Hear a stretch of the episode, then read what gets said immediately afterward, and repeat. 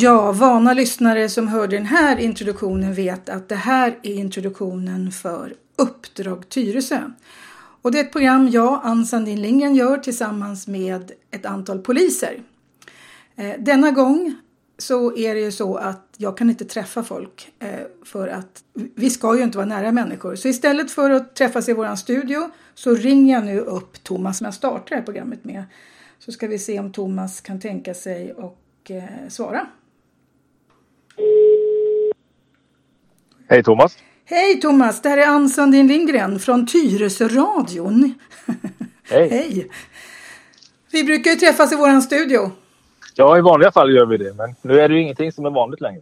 Nej. Och Thomas, eh, vi ska ju säga som vanligt att eh, de lyssnar ju på Tyresö-radion och vad heter vårt program som du och jag har hållit på med i många, många år? Ja, verkligen. Programmet heter Uppdrag Tyresö. Ja. Och vem är Thomas Martinsson?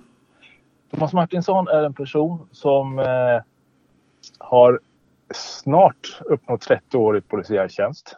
28 år, 28 år närmare bestämt. Ja, jag är tidigare bott i Tyresö och jobbat i Tyresö. Det var det programmet.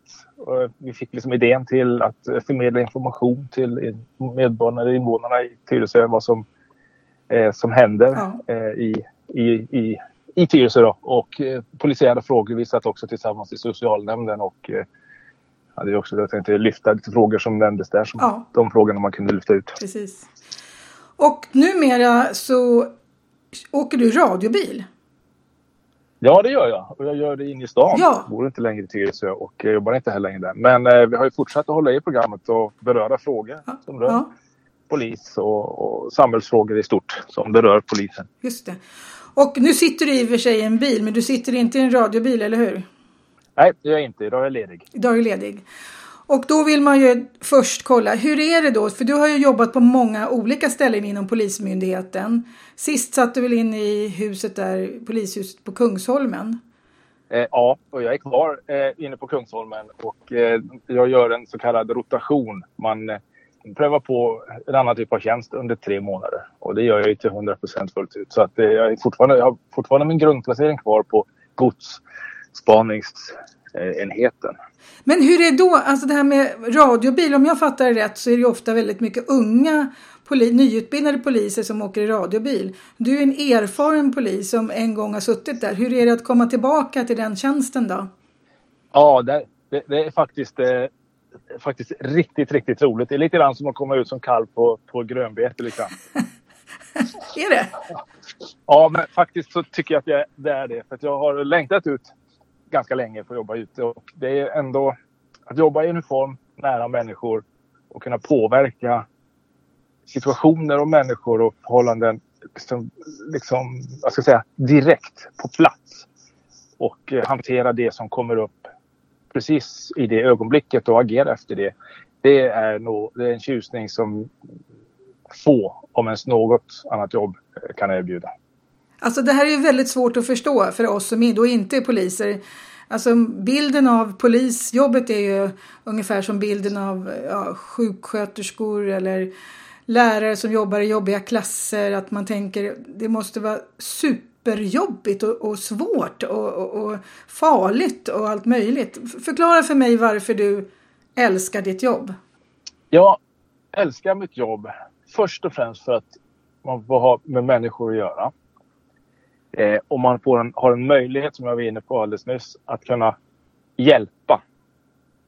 Eh, och eh, skydda, hjälpa, ställa till rätta var det en, en, hette det för att polisen hade att göra. Nu är det någon annan värdegrundsformulering här. Men eh, och just, just den möjligheten att direkt kunna göra skillnad eh, är en fantastisk känsla. Sen så är det, eh, om inte får glömma, det är pulsen och det är spänningen i det. Man, det är lite grann av en sån här mm, thriller junkie eller vad det brukar kallas. Det här med att man Vadå inte vet. Ja, man, man, alltså spänningen, att man söker spänningen lite grann. Man vet inte vad det är som ska hända. Från en sekund till en annan. Du kan vara väldigt lugnt. Du åker omkring och du, du har allmän spaning som man, som det heter ibland. Utan att det har hänt någonting. Man åker runt och sen rätt som det är så får man över radion att Eh, det, det, är en skjutning som händer, det skjuts där, det är bankrån där eller det är ditten. Då får du slå om ifrån en, jag ska säga, en vilopuls tills eh, en väldigt, väldigt ansträngd hög puls. Liksom så. Och den här skiftningen som kommer, den, det är någonting alldeles extra i det. Det ligger någonting extra i den spänningen och i de här skiftningarna som är ögonblickliga många gånger. Och, och du gör, alltså det här är ju på riktigt liksom. Du, du, du jobbar ju i verkligheten istället för att sitta framför en dataskärm på kontor.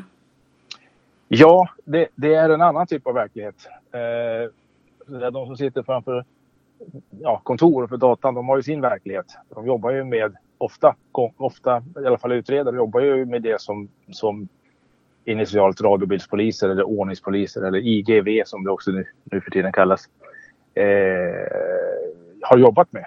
Och mm. det, det, produceras, det blir ju en, en, det blir ett ärende av det som sen kommer in i, i Polismyndighetens kvarnar och går upp på utredningsmed, eh, till utredare som då börjar jobba med det här. Så mm. vi, det, vi, har, vi har eh, olika typer av verkligheter men det, det, det är samma, samma händelse. Okej. Okay. Mm. Eh, hur länge sedan var det du åkte radiobil sist? Eller som du hade en sån tjänst? Ja, som jag var ute. Eh, jag har gnetat, som man brukar kalla någon gång i en månad eller två. Eh, för att inte tappa känslan helt. Men jag gick väl in, kan man säga, lite mer konkret 2012. Så det är väl en åtta år någonting, sju, åtta år som jag har varit inne. Och innan dess så har man i olika former varit ute omkring 20 år. Är det någon skillnad nu? Alltså, det, alltså hur är verkligheten? Det här med, man pratar ju hela tiden om bilden av verkligheten. Hur står det till? Liksom, har kriminaliteten ökat? Har det blivit svårare, värre? Allt det här. Om man då tittar på åtta år, är det stor skillnad att jobba nu mot då? Eh, både ja och nej, vill jag säga. Eh, ja, till det mottot att eh, det figurerar helt enkelt fler vapen ute eh, eh, nu än vad det gjorde, än vad det gjorde förr. Även om det figurerade florerade vapen även då. Det var inte så att det inte, att det inte skedde. Det sköts och härjades då också. Men inte på långt när lika mycket som det, som det gör idag. Eh, mm. Eh, sen har vi nog en annan ska jag säga, attityd eh, utav bus, som man nu kallar det för enkelhetens skull kallar det det. Mm. Idag så upplever jag att eh, attityden till att ta till vapen för att säga, skitsaker. Mm. Eh, liksom, eh, den, den eh, gränsen har sjunkit. Så det räcker, mm. räcker med att det är någon som kanske tittar snett på någon. Det är kanske en extrem, extremfall, men, men det har hänt de får för sig att man har tittat på någon annans flickvän eller man, någon får för sig att man har olika sådana här gäng då som säljer narkotika på gatan får för sig då tycker att någon har sålt på deras territorium och man slåss, krigar för att eh, eh, kunna ha försäljningsställen på olika ställen ute. Och då är det, har man vapen, då är det väldigt lätt att de brukar dem och det är väldigt mycket unga människor också som använder de här 16, 17, 18 och så upp till dem. Och där finns det ingen vad ska man säga, förr, eller om man har en äldre buse mm. eh, som i lev levnadsålder är lite äldre, så har de också hunnit med att förstå att har man ett vapen i handen så är det så kan konsekvenserna bli alltså, livsfarliga. Mm. Medan unga som har den där, mer de är mer impulsiva. De handlar mer impulsivt och gör inte... Unga killar är väl också de som är mest liksom, de tror att de är odödliga? Ja, antingen det eller så är det liksom, de agerar liksom direkt och har egentligen inte... Livet har inte gett dem olika erfarenheter som gör att de kanske hinner reflektera en eller två gånger över om jag nu tar det här vapnet så, så, så kommer de här affekterna uppstå. Mm. Eh, det, det, det, upplever jag som att det, det har blivit värre. Attityden okay. och respekten för polisen har liksom har eh, tappats i de här kretsarna. Ja, men annars tänkte jag också det här att liksom numera så, ja, när du och jag började med att göra de här programmen, 2014 var väl det när vi satt i socialnämnden. Ja. Då var det liksom någon slags överenskommelse bland alla ja, det var innan omorganiseringen att ah, det, polisen är ineffektiv och alltså polis var liksom en ni hade inte speciellt högt förtroende egentligen hos allmänheten eller hos politiken. Medan nu är ju liksom alla som jag pratar med eller man, om man läser. Nu är ju liksom ni Alltså man vill satsa på polisen, ni gör ett bra jobb. Ni har ju allmänheten väldigt mycket i ryggen nu mot förut, upplever jag. Ja, jag, jag, jag håller inte riktigt med dig där i beskrivningen. För, att, för polisen har, har under många, många år, långt innan omorganisationen och så där, legat högt i, i, i, i sådana här uh, mätningar, för, förtroendemätningar ja. hos allmänheten. Aha. Det har gått upp på plus och minuslistan, men vi har legat ganska högt. Eh. Trots, att, trots att diskussionerna då förr var att lata poliser och allt möjligt jox. Det var ju mycket snack om hur dålig polisen var. Jag, jag, jag, jag känner, inte, jag, känner inte igen, alltså det, jag känner inte igen det som, som en som alenarådande beskrivning. Även om jag vet, jag vet liksom att, att vissa kunde tycka det. Så det. det gör jag inte. Däremot så, så vart vi naggade i kanten eh, när de här skjutningarna och sånt där började tillta. Eh, mm. och, och, vi liksom inte hade varken organisationer eller resurser eller på något sätt för att vi skulle kunna eh, mönstra upp och möta det här. Då blev det, då blev det en reaktion över liksom att ja, men det är väl ingen större vits att ringa till polisen för de kan ändå inte göra någonting. Så hörde man en hel del eh, allmänhet. Då? Ja, då ja. Liksom prata kring mm. det hela. Och det tycker jag till viss var rätt till en ganska stor, mm. stor del. Därför att min uppfattning är med den här om omorganisationen så ryckte man upp den gamla med rötterna utan att man hade en ny på plats. Ja. Så vi svävade liksom ut, vi svävade i, i cyberrymden och vi tappade ett par, tre år skulle jag vilja säga där, där då framförallt exploderade den här grova brottsligheten med narkotikaförsäljningen. Sen så kom skjutningen och allting. Mm. Vi hade ingenting kunnat och sätta emot. Jag är av, jag är av den uppfattningen att, och jag, tycker inte att det är mycket bättre nu, även om mm. vi eh, har börjat lära oss en hel del av misstagen som där och börjat liksom gå tillbaka till en del av den struktur, gamla strukturens eh, organisation för att den krävs. Men det fanns en grundsättning i den gamla organisationen. Men det är väl bara det att om inte Polismyndigheten skjuter, skjuter till medel, pengar till den gamla närpolisorganisationen, för strukturen fanns.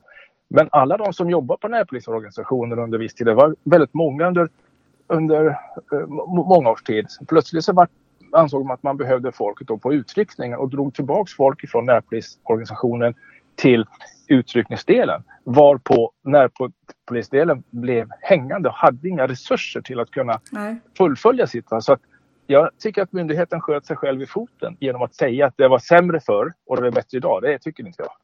Ja, men, men, det, men det var intressant tycker jag inför omorganisationen 2015 var det väl den stora. Ja. Då fick man ju inte de pengar man behövde heller.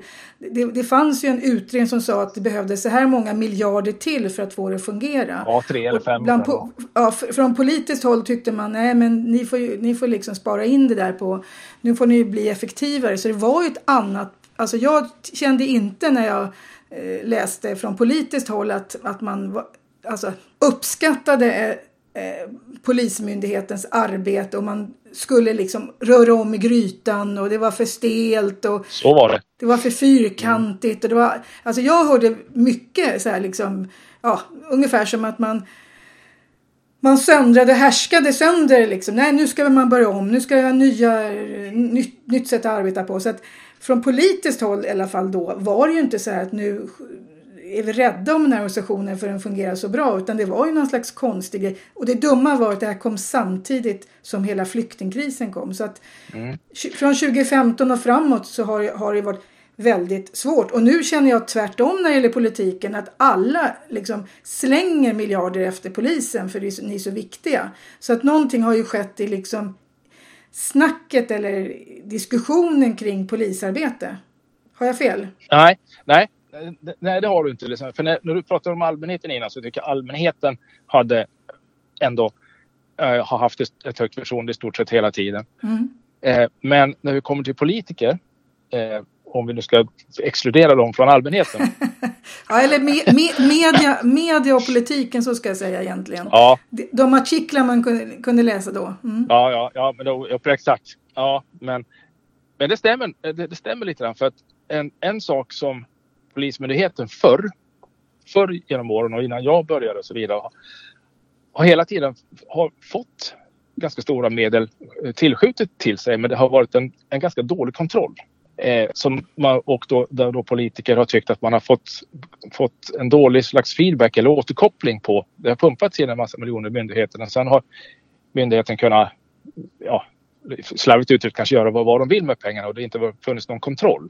Då sen polisen, eller politikerna tyckte att vi det har varit helt enkelt en dålig återkoppling och det har då renderat till att politikerna tyckte att det finns något som heter New Public Management. Man mäter, mäter och mäter. Ja, man mäter. In absurdum. Det är någonting som det privata näringslivet tog fram. Mm. Om jag inte minns fel så var Scania ganska tidigt ute med det här men som man sen övergav ganska snabbt för att man fick inte man tyckte inte att man fick de här rätta parametrarna och, och mätresultaten. Nej, det ökar bara på det man mäter men det riktiga jobbet går inte att mäta. Men precis liksom, så man övergav det. Men i här myndigheten, om kommunalt och statligt så håller man fortfarande fast vid det. Eh, nu är inte jag någon expert på det här så jag ska inte men, men det är generellt sett så. Och det är liksom ett, en, en mätfunktion för politikerna att ha lite kontroll. För de tyckte sig inte ha någon kontroll över Polismyndigheten innan. Och nu har de det, men då har den kontrollen gått överstyr fullständigt åt andra hållet. Mm. Så att det blir liksom att det viktiga är att man mäter och producerar liksom dokument och sådär för att de ska kunna läsa av om man tappar stora delar utav en, en fungerande och effektiv verksamhet. Det här är min privata uppfattning kring, kring, kring det hela. Men, men det, det, så, det, det är min uppfattning utav att man att, att mäta och ha kontrollen över myndigheten är prioritet ett och verksamheten, effektiv verksamhet och rätta verktyg och lagstiftning för det eh, är, kommer, är lite i skymundan. Ja, och, och det här är ju en trend överallt att man att man ägnar sig mer åt att dokumentera verkligheten än göra någonting åt verkligheten. Det är liksom en sjuka i varenda organisation nu. Verkligen, det är inte, det är inte bara inom polisen. Nej, nej det dokumenteras, i, dokumenteras, dokumenteras, dokumenteras och ingen läser. Ja, nu, nu, ska vi inte bara prata om det, för nu tänkte jag först fråga dig. Hur, hur är en vanlig dag när man åker radiobil som polis? Vad är du med om? Oj. Berätta om de sista två, tre dagarna när du, när du jobbade. Vad, vad är det för någonting du gör? Ja, alltså man kommer till jobbet, man byter om, så har vi någonting som kallas för en utsättning. När man sitter ner så får man information ifrån eh, eh, befälen i, i det turlag man åker i som har fått information ifrån avlämnad information från som har jobbat passet innan och har läst in sig på det som har hänt förut och sådär. Så levererar de den, så sitter vi och lyssnar på det och tar upp aktuella händelser, aktuella personer som kan vara bra att hålla utkik efter, etc. etc. Sen när det är klart och, så bemannar man bilarna. Och det är redan gjort innan man har lastat och gjort sig klar. Men man åker ut helt enkelt. Och då börjar ju jobben komma direkt ifrån eh, kommunikationscentralen. Det är allt ifrån lobbar, lagar om berusade personer, eh, alltså fyll, fyll, fyllerister som är omhändertagna eh, någonstans. Alltså LOB, LOB, LOB förkortat. Och eh, det är snattare, det är lullare, till begrepp som man har med lagen om unga lagöverträdare. Eh, under 15, de kan ju sitta och snatta i butiker och så vidare. Men sen kommer det också plötsligt att det är eh, skottlossning, eh, misshandel, och knivskurna, det är personrån. Det är tyvärr väldigt mycket personrån i Stockholm city. Under ett pass kan du ha alla de här sakerna? Alltså? Ja, ja, ja. Så, så, skjutning kanske inte kommer varje pass och, och sådär. Men eh, misshandel, grov misshandel och slagsmål och det är kniv inblandad eller påkallade glas eller någonting sådär. Så det, det, det, nästan så att det förekommer varje pass. Är känslan av det. Naturligtvis gör det inte det. Men, eh, så. så vi hade en kvinna som för inte så länge sedan eh, gick ut att hon skulle hoppa. Eh, åkte till en adress och var uppe i huset och då svängde situationen så att vi, vi fick pepparspray sprutade på oss av vederbörande. Hon mådde inte så där bra. Aha. Mådde inte så bra så vi fick ju backa undan vi ta på uh, lite skyddsutrustning och sånt där. Vidare till verket. Men mm. det, det, det, lö, det, löste sig. Hon, eh, vi, klar, vi hindrade henne från att hoppa och, och så vidare. Det är ju personlig eh, tragik och tragedi i, botten och var väl eh, som så ofta många år. An... Många trasiga människor? Ja, missbruksproblem inblandade i, i, i det hela och sådär. Mm. Så att, eh, nej, det, det, där är väldigt mycket. Det är lägenhetsbråk. De har på stormar på. Så, så det, det är... Ska, ja, den, den cocktailen är stor. Men, men, men Thomas, blir man, det här, den här frågan har jag ställt många gånger förut. Blir man inte liksom, tappar man inte tron på mänskligheten när man ser just, du ser ju liksom det sämsta, det värsta, det tråkigaste. Blir, blir man liksom inte deprimerad? Nej, nej.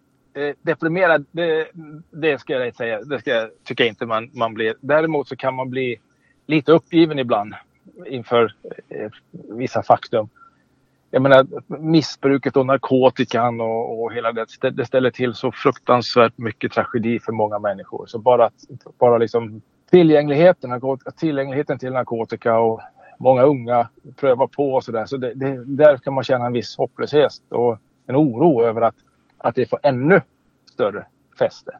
Men i och med att man själv har, de allra flesta, ska jag säga, inte alla, kanske har, som jobbar som poliser, har ju ett eget socialt nätverk eh, kontakt, kontakt med livet på annat håll. Ja. Där man ser att det fungerar och allting är bra. Plus att även när man jobbar så träffar man ju faktiskt väldigt mycket vanligt folk. Vanligt folk som på något sätt vill bidra. Ja. Eh, kan komma på förhör eller att man stannar och pratar med folk. Det är inte bara att vi kastar oss in i misär utan vi är ute och rör oss bland vanligt folk och de kommer ofta fram och vi tar kontakt och pratar och då får man ju, får man ju den här balansen och det är oerhört viktigt att vi som polis också mm ta den kontakten med allmänheten, människorna som inte har problem och skapar bra, bra eh, känsla och bra kontakt med alla människor. In, det inkluderar också bus.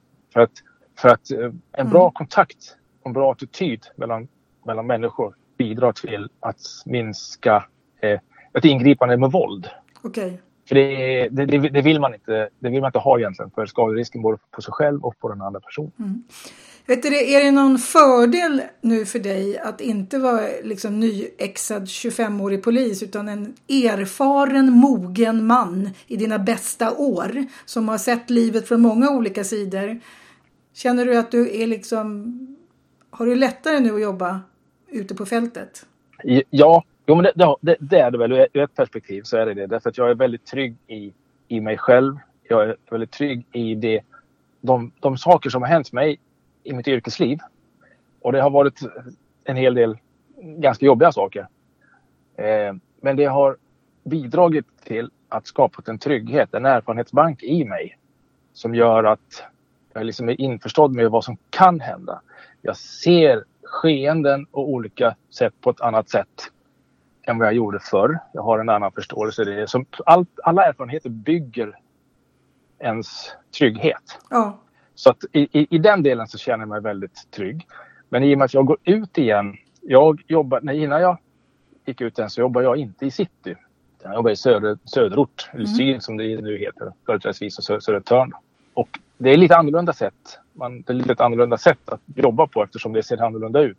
I city har man väldigt mycket folk på sig eh, hela, hela tiden. Det är krogar och restauranger och, och, och, så vidare så att man har dem mycket närmare. Eh, ute i förorterna och förorterna så är det mer lägenhetsbråk och du har andra typer av eh, svåra eh, sätt att lösa jobb, jobb på. Mm. Eh, men när jag kom till city så är det lite annorlunda sätt. Så jag får samtidigt nu lära mig en annan kultur, hur man jobbar. Så den, den, den jobbar jag ju fortfarande med att ta in och, eh, och titta. Så, så ur den aspekten så känner jag mig ganska ny okay. inför eh, rutiner och sådär. Du har unga, med, du har unga kollegor eller du har, bland, har ni blandade åldrar på ni som åker radiobil? Det är ganska ungt. Det är det. Även om det finns kollegor som har varit med ett tag, eh, 8, 10, 15 år. Eh, och de, och de, mm. de är rutinerade.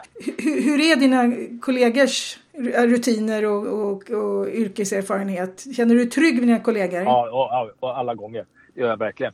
Och jag måste säga att jag, jag är liksom lite imponerad av de har eh, alltså spjutspetskunskaper i, i, i mycket i juridik och förhållanden och sådana saker. Så att de, de, de, kan verkligen, de kan verkligen sitt, sitt arbetsredskap om man ser till juridiken ofta. De är välutbildade? Ja, de är välutbildade. De är pålästa i, i de bitarna. Där, där är det, finns det ingenting som jag tycker att det saknas. Sen så är det ju, blir det ju det att de är unga, många, så är det ju helt enkelt bara erfarenhet och rutin. Och det kan man ju bara få genom att jobba. Mm. och, och, och tanke på. Det går inte på på annat sätt. Mm. Nu kommer de sista frågorna som förstås är det ämne som alla pratar om nu. Jag tänkte vi skulle ha prata lite så allmänt också för att just nu så har vi bara program som handlar om Corona här på Tyresöradion. Spelar ingen roll vem vi intervjuar så blir det Corona. Och då måste jag fråga dig då, hur är det att jobba som polis i coronatider och vad gör du för att inte själv bli smittad? Det, alltså det man kan göra och det som vi uppmanar till och det jag också uppmanar alla till att göra det är att gå in och följa de eh, riktlinjer och råd som, som Folkhäls Folkhälsomyndigheten och, och andra eh, kännare liksom också säger. Mm. Det, det, det, är det du kan följa. Och, eh, med, med hygien, handhygien och, och, och, hela den här biten. Sen så när du, sen, vi har ju fortfarande ett uppdrag och det är ju lite grann business as usual för våran del. Ja. Eh, vi, man, man kanske inte är lika på om man uttrycker sig så, när det gäller till att kanske gräva efter folk. Men man gör en bedömning hur, hur om man nu är någon, någon narkoman, vi säger att någon narkoman som har hållit på med och med narkoman i 20-25 år. Det är ingen som är direkt motiverad till att få vård eller om det är någon sån saker. Då gör man ju bedömning.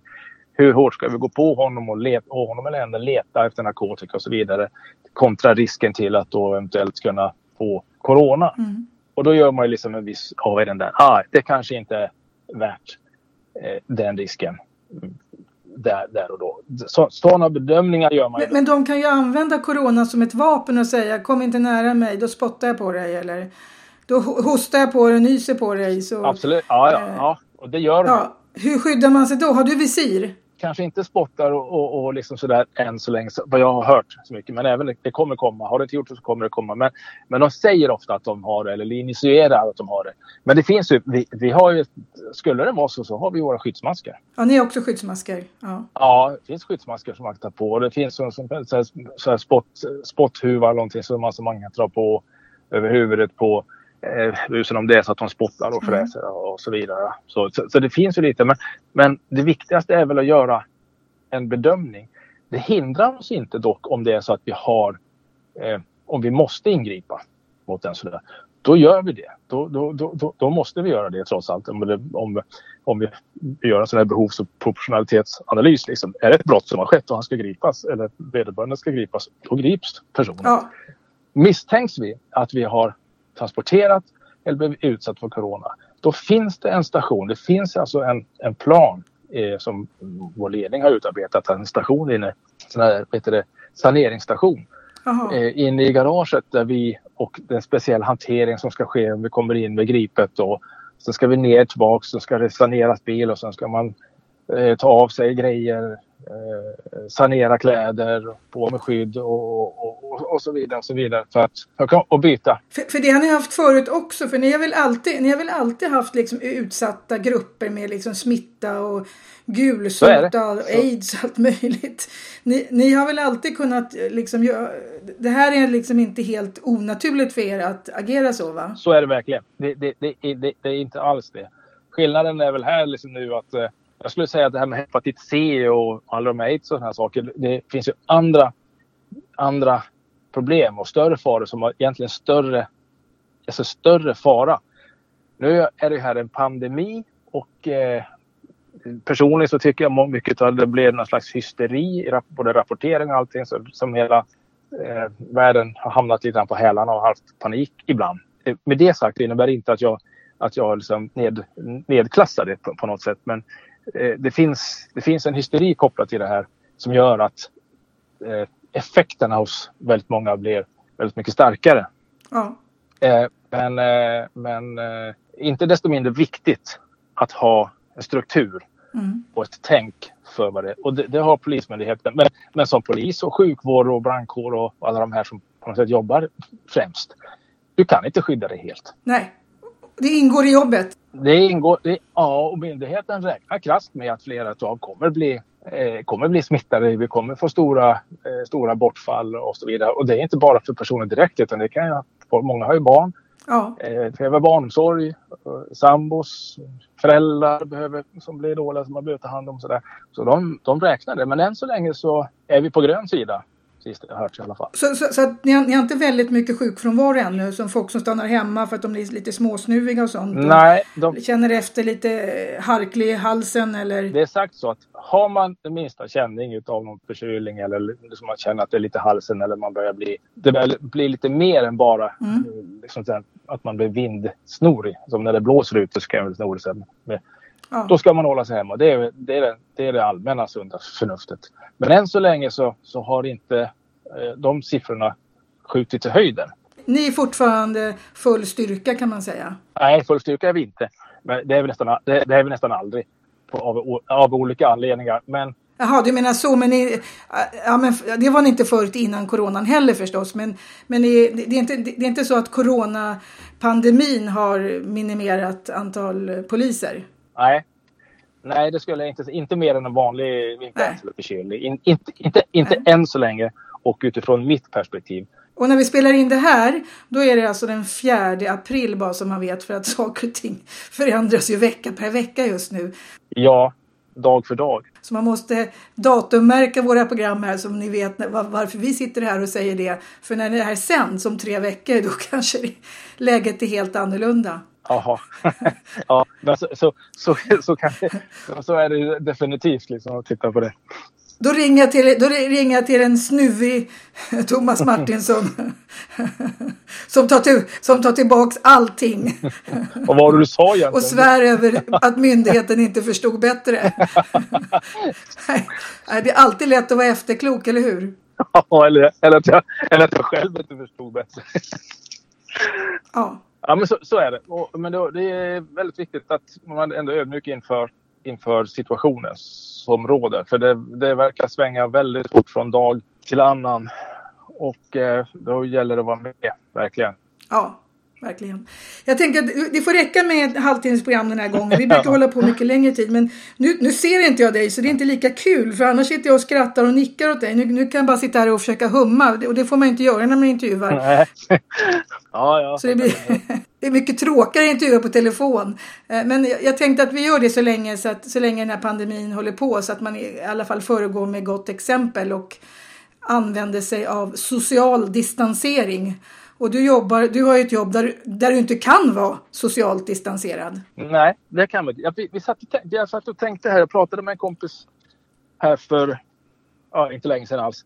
Vi pratade om det här. Vi liksom pratade om det, våra polis, brandkår, och eh, sjuksköterskor vårdpersonal som då inte ligger i framkant när det gäller lönesättning, sån här lön, utan man, man kämpar för att liksom kunna få eh, li- lite bättre Ja. löneförhållande utifrån det ansvar och de riskerna man tar. Ja. Och, och så sa vi det, men nu när kris och pandemi är på gång, vilka är det då man nyttjar mest? Och vilka är de som är längst fram och vilka som verkligen är de som verkligen ska behövas? Visst, Jo, e- Där har vi exakt! poliser, brandkårer, du har sjukvårdspersonal Ja. som är ytterst. Som alla då, det, det, man, man har man tittar på grupper med applåderar till och så alla liksom lyfter fram och så vidare. Ja. Vilka, klar, vilka, vilka är det vi inte klarar oss utan? Vilka är det som bär fram det? Exakt! Vi satt och pratade om det. Det är de med lägsta lönerna. Det är undersköterskorna, det är poliserna, det är lärarna. Det är alla de som är ute i verksamheterna. Det är inte powerpoint-nissarna framför datorerna som sitter och gör fullständigt värdelöst arbete ibland. IT-folk eller som kan jobba hemma. Utan här, här kan man inte det, utan här är ytterst lätt Ja, jag vet. Jag tycker också det. Och det, det var lite slående i det hela. Liksom, att nu minsann ska vi fram, ut och längst fram. Men att man liksom ska kunna värdera det i andra delar. På samma sätt. Jag vet. Jag håller med. Jag, jag, jag blir väldigt frustrerad. Jag känner för många människor som har såna här jättekonstiga jobb. De kan inte ens förklara för sina barn vad de sysslar med. För de är, det är så underliga Mm. yrken. Ja, verkligen. Och, och, eh, och förskolor och barnskötare liksom också. Det är också extremt viktigt. Det är, de, det är de yrkena som är viktiga. Jag hoppas att fler fattar det. Att det är sådana yrken som är... Det är inte influencer man ska vara idag. Nej, verkligen inte. För det är lite flumsigt, eller hur? Ja, sett till sammanhanget så, så, så kan jag hålla med dig. Och som det är just nu. Nej, men alltså det är jätteviktigt det här tycker jag.